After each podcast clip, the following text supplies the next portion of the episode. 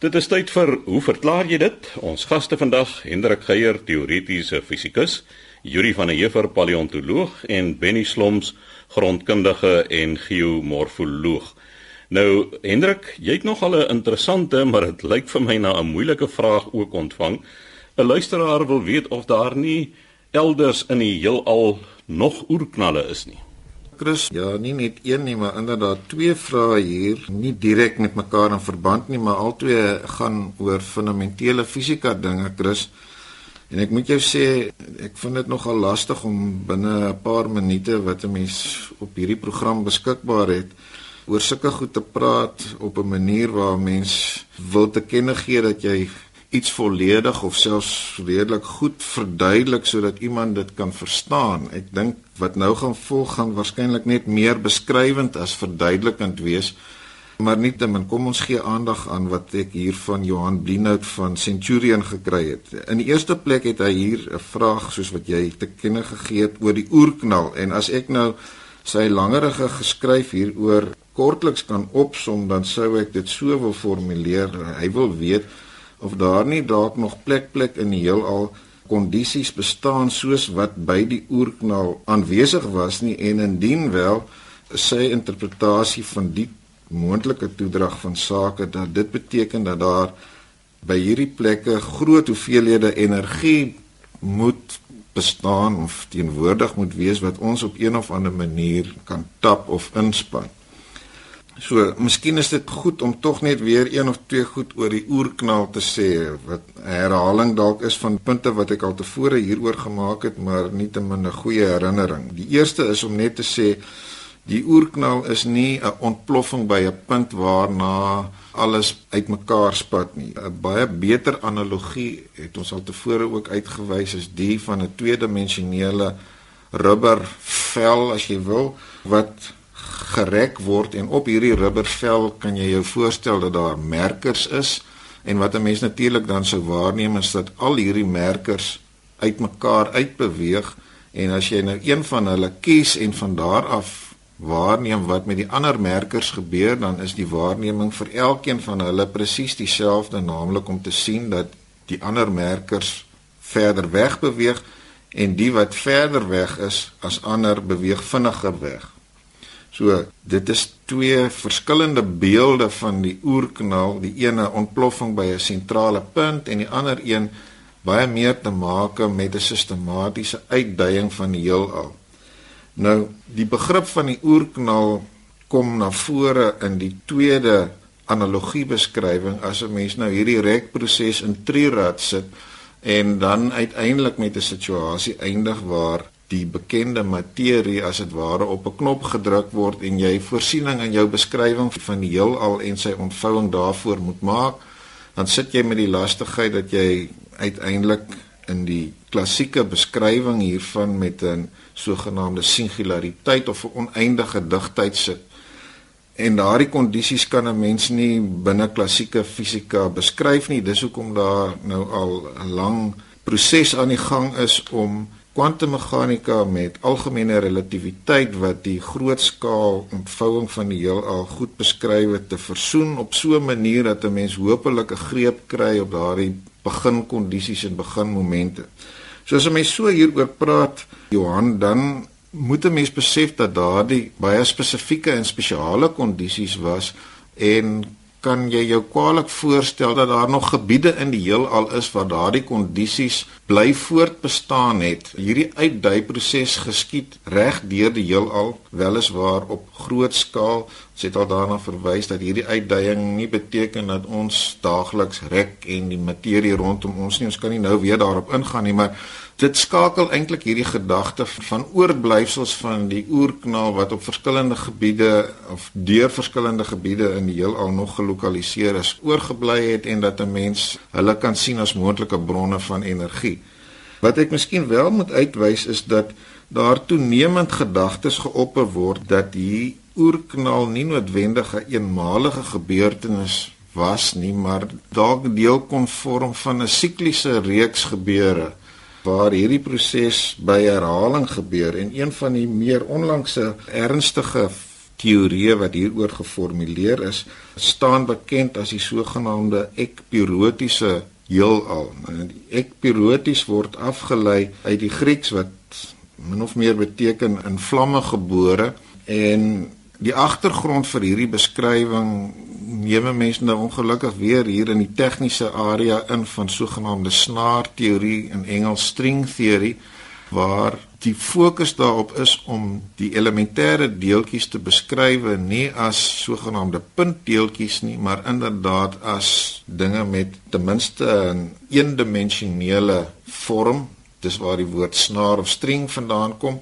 En na mate 'n mens na die wiskundige koherensie van hierdie teorie kyk, besef jy dat dit ook nodig is om in die geval van sulke snare wat nie geslote is soos 'n lus nie, maar twee los ente het, dat jy hoër dimensionele voorwerpe moet invoer wat dan in Engels bekend staan as brains. Dis nou nie die goed hier in ons kop nie, maar B R A N E afgelei van membraan. Nou as 'n mens 'n Afrikaanse term daarvoor sou wou gebruik, dan moet jy seker van braan praat. Ek dink nie ek het dit al ooit gehoor nie en dit kom 'n bietjie vreemd op die tong.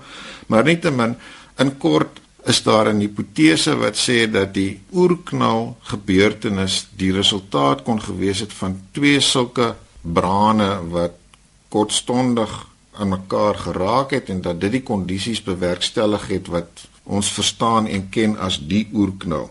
So ter afsluiting van hierdie gedeelte Chris net die bevestiging dat die idee van herhalende oerknalle wel ernstig opgeneem word So daar is pogings om aspekte van die heelal wat 'n mens as letsels van hierdie gebeurtenisse sou kon beskryf te onderskei in enerzijds hierdie ekpirotiese heelal en anderzijds dit wat meer tradisioneel bekend staan as die uitduiende inflasionêre model wat op die oerknal gevolg het.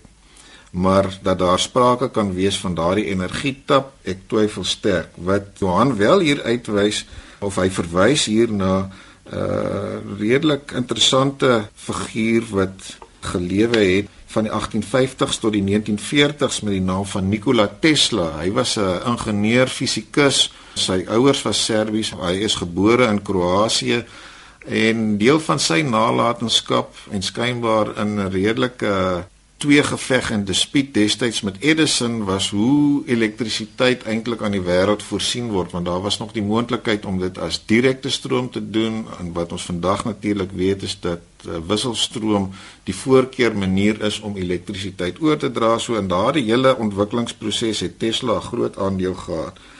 Nou waarna Johan hier verwys, ek lees direk hier voor uit sy e-pos. Hy sê dalk was Tesla nie so kens as wat voorgegee word nie, want hy het dan tog 'n voertuig gedemonstreer wat klaarblyklik op sogenaamde kosmiese energie sou loop.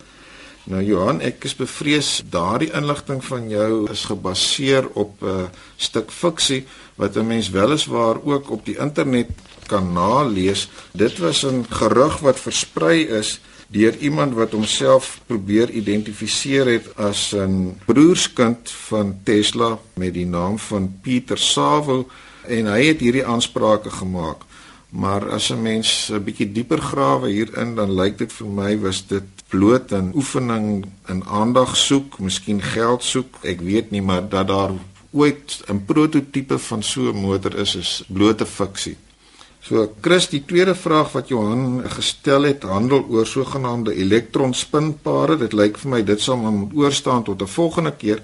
Ek sluit net af deur hom en luisteraars te verwys na twee boeke wat ek ook al by geleentheid oor die program genoem het waarin baie van die goed waaroor ons vandag gepraat het, breedvoerig bespreek word. Die een is The Cosmic Code van Heinz Pagels, weliswaar al hier in 1982 gepubliseer, maar nog steeds die moeite loon om te probeer opspoor en dan 'n meer onlangse publikasie wat ek dink nog tipies by aanlyn boekhandelaars te koop is How the Hippies Saved Physics 'n interessante verhaal wat baie te maak het met elektronspinpare. So daar so lank 'n bietjie huiswerk en leeswerk Johan, volgende keer praat ons verder. Gee die titels miskien net weer 'n keer, party luisteraars skryf stadiger as ander. Goed, die eerste titel is The Cosmic Code en die outeur is Heinz Pagels P A G E L S.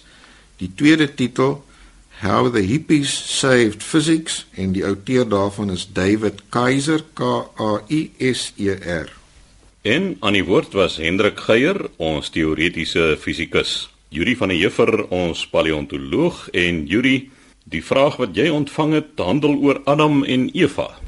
Chris, na aanleiding van 'n vorige program waar ons gesels het en die boek van Flip Skutte genoem het, die diaspora van die moderne Christene, het hier 'n brief aangekom van Kevin de Ruig aan jou gerig Chris en hy is so opgewonde, dis 'n tweetalige brief. Hy sê hy wil baie dankie sê vir die spesifieke program wat hy gehoor het en hy sê congratulations on presenting such a controversial topic with delicacy en dis iets wat hy nog altyd ingeglo het maar geweldige teestand gekry het en hy is nou baie bly dat hy na die program geluister het. En ook 'n tweede brief van uh, Hendrik Strydom van Tarkastad wat gesê het hy het nou met aandag geluister na die program en hy is 'n uh, geskiedenisonderwyser en hy stelkens gekonfronteer met die vraag was Adam en Eva die eerste oermense? En dit was vir hom 'n tamaletjie sê hy totdat Dr Lou Alberts op 'n keer vir hom dit verklaar het deur te sê dat Adam en Eva die eerste verbondsmense gewees het veel later as die oermense. Nou ons het natuurlik hier nou 'n baie interessante aspek van hoe ons ons verlede sien en daar is al reeds baie interpretasies daaraan toegedig om te sê Adam en Eva was die eerste mense of dan verbondsmense. Nou die kort antwoord hier is ek moet verskil. Adam en Eva was nie die eerste verbondsmense nie. As ons kyk na al die paleontologiese inligting wat vandag bestaan, dan word daar 'n heeltemal 'n ander prentjie geskets oor die ontstaan en die voortbestaan van mense. So wat doen ons nou met Genesis en dit het eintlik tot 'n mate te doen met die vorige program ook. En daar's probleme met 'n letterlike interpretasie van die data wat 'n mens in die Bybel kry. Daar's byvoorbeeld twee skepingsverhale om mee te begin en om dit letterlik te lees verskaf definitief probleme. Nou een van die goed wat 'n mens wel kan uitlig is dat selfs al in die 2de eeu het die groot kerkvader Tertullianus geskryf en gekonstateer dat die vrou was die eerste sondaar en sy spesifieke woorde in die verband was dat vrouens is die poort tot die hel.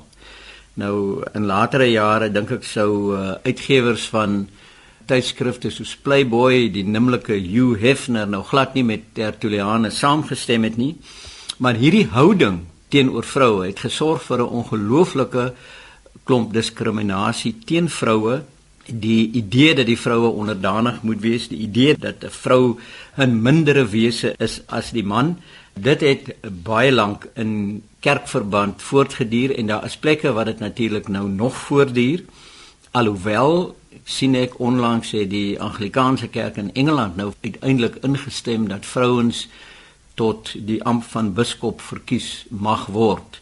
So daar is gelykstellende aksie, maar baie probleme met die spesifieke interpretasie van Genesis. In ligter lyn was daar die kwessie van of Adam en Eva naaltjies gehad het want as hulle sou volmaak en volwasse geskep sou gewees het sou hulle nooit in 'n vrou in 'n baarmoeder gewees het nie en daarom nie 'n naalstring nodig gehad het nie. So die merk van die naalstring die naaltjies sou nie daar gewees het nie. En dit klink nou vandag vir ons na iets wat in baie ligte lyn gesê word maar in die middeleeue en later was dit werklike teologiese vrae wat gevra word. En dit was 'n werklike teologiese vraag wat gevra is. En dit het 'n probleem geskep vir die mense wat hoofsaaklik godsdienstige skilderye geskilder het en Adam en Eva wat 'n geliefde onderwerp gewees het hoe moes hulle voorgestel geword het? Sommige van hierdie kunstenaars het doodgewoon Adam en Eva met naaltjies geskilder ander wou dit gewaag het om dit dan nie te skilder nie en as jy nou so 'n bietjie getwyfel het dan is daar gewoonlik skilderye waar een of ander takkie op 'n manier oor die abdomen strek sodat die skilder, die kunstenaar nie hoef te besluit het of daar naaltjies op hulle gewees het nie. Net so met die vrugte in die paradys, het die appels of watter vrugte ook al pitte gehad, het dit van vorige pitte gegroei. Dit is alles aspekte wat in erns bespreek is.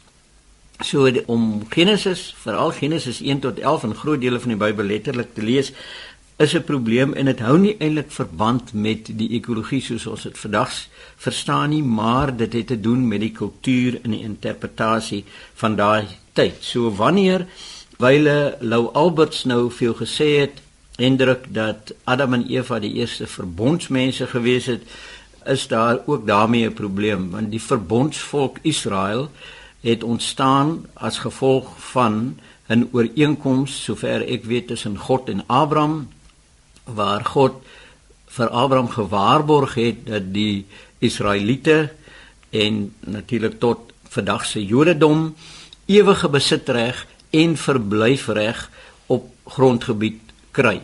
Dit is die verbond wat gemaak is en ons weet self hoe dit nou deesdae in die Midde-Ooste gaan. Dis 'n geweldige problematiese siening van wie besit die grond, wie het die reg om in die ou nabye ooste op sekere plekke te bly. Nou Wyle Lou Alberts was 'n fisikus gewees, 'n gerespekteerde man en ek sou vermoed dat hy daarom 'n bietjie genetika ook geken het en hy moes besef het dat om al 12 stamme van Israel in so kort tydperk te kan teel van twee mense af is doodgewoon geneties onmoontlik. So om hulle die eerste verbondsmense te noem is eintlik nie wetenskaplik korrek nie. Nou nog steeds in Ligterlym 'n uh, eh, baie goeie Joodse vriend van my in Kaapstad was betrokke gewees met die Joodse gemeenskap in hierdie hele kwessie van die Palestynë en Israel en ek wonder of hy nie bietjie tong in die kies gepraat het nie maar hy het toe voorgestel dat die enigste oplossing vir die Midde-Ooste se krisis is om Israel te verkoop en dan vir elke inwoner, elke Joodse inwoner 5 miljoen dollar te gee en te sê gaan bly op 'n ander plek.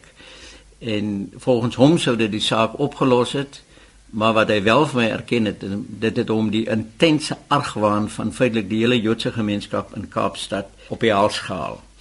So ons sien dus die verduidelikings wat gegee word in Genesis insluitende Adam en Eva in die paradys en al hierdie soort van goed was pogings van mense om sin te maak in die wêreld waarin hulle gelewe het Adam en Eva was mitologiese figure. Hulle was dus nie die eerste mense van die verbondsvolk of van alle ander mense nie. Daar's addisionele probleme. Wie was Adam se eerste vrou? Daar word beweer dat Lilith eintlik Adam se eerste vrou gewees het. Later word sy vereenselwig met die sogenaamde slang wat vir Eva verlei het. Ons weet nie met wie Kain getrou het nie nadat hy nou vir Abel doodgeslaan het, is hy weg en hy op 'n ander plek gaan bly en getrou en kinders gehad. So die beste wat ons kan doen as Christelike mense is om die storie van Genesis, die storie van Adam en Eva te sien as 'n legende, 'n mite, 'n verhaal van mense uit 'n voorwetenskaplike tyd wat probeer sin maak het uit hulle wêreld. Dit was dan Yuri van der Heever, ons paleontoloog, laaste aan die woord Benny Sloms, ons grondkundige en geomorfoloog. Benny, jy 'n luisteraar wat sukkel met tomaties en boontjies wat nie wil groei nie.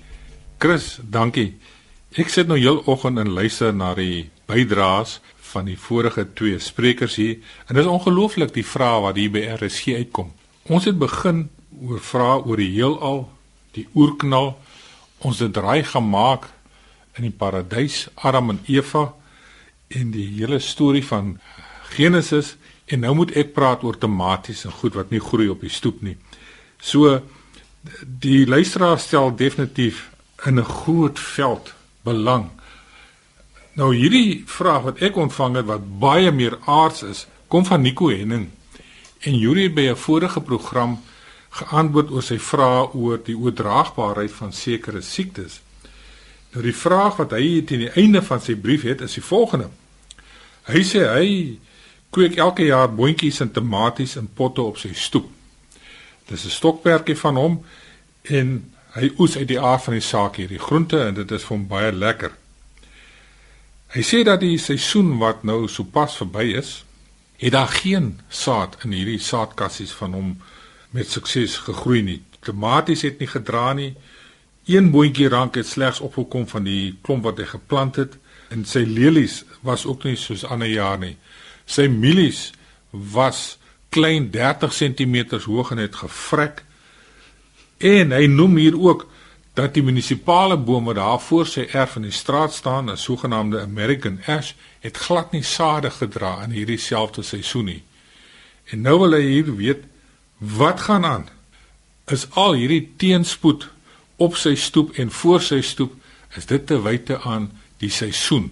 Met ander woorde was dit 'n abnormale seisoen wat gelei het tot hierdie totale mislukking van sy groenteoes.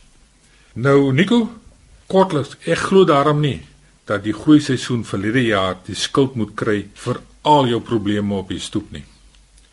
Die rede hoekom jy nie suksesvol was met jou groente, jou blomme, jou mielies nie, kan veelerlei wees.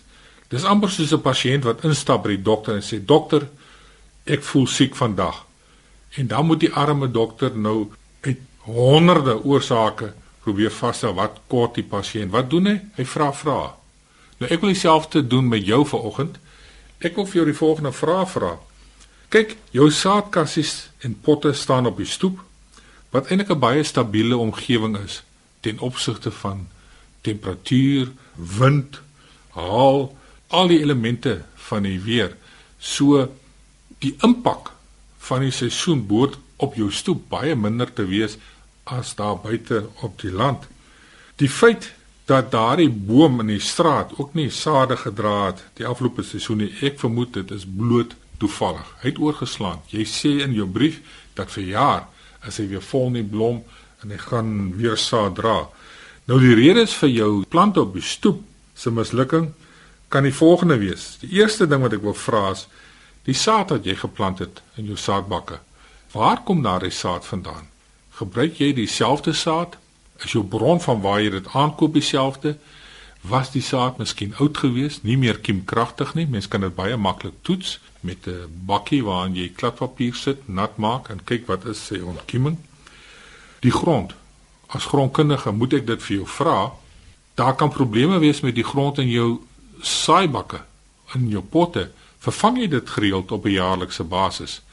Want wat baie maklik kan gebeur is dat as 'n mens sulke klein hoeveelhede grond bemes, dan oorbemes 'n mens so maklik en jy verbrak daardie grond. So die toestande in die grond is sodanig dat geen saadsel ontkiem en niks wil daar groei nie. Tipies van oorbemesting. Ek sê nie jy het dit gedoen nie. Dis die vraag wat ek vra. Miskien was die saaibakke te nat. Mense versuip hulle ook baie maklik deur te veel water te gee, sodat hulle sade ook nie ontkiem nie. Ag, so kan ek aangaan. So my raad aan jou is: in die eerste plek, gaan kyk net na die saad wat jy plant. Ek hoop nie dis dieselfde bron wat jy daar iewers in 'n kassie hou wat jy elke jaar plant nie. Van die sade kan natuurlik nou minder kiemkragtig wees. Vervang jou grond op 'n gereelde basis. Moenie elke jaar in dieselfde pot op materiaal plant nie, want patogene kan ophoop in so 'n bak. Patogene van jou tomaties of wat ook al. Die basiese vraag wat jy gevra het of dit te wyte was aan 'n spesifieke seisoen, my antwoord sou daar wees nee, dit is nie die probleem nie.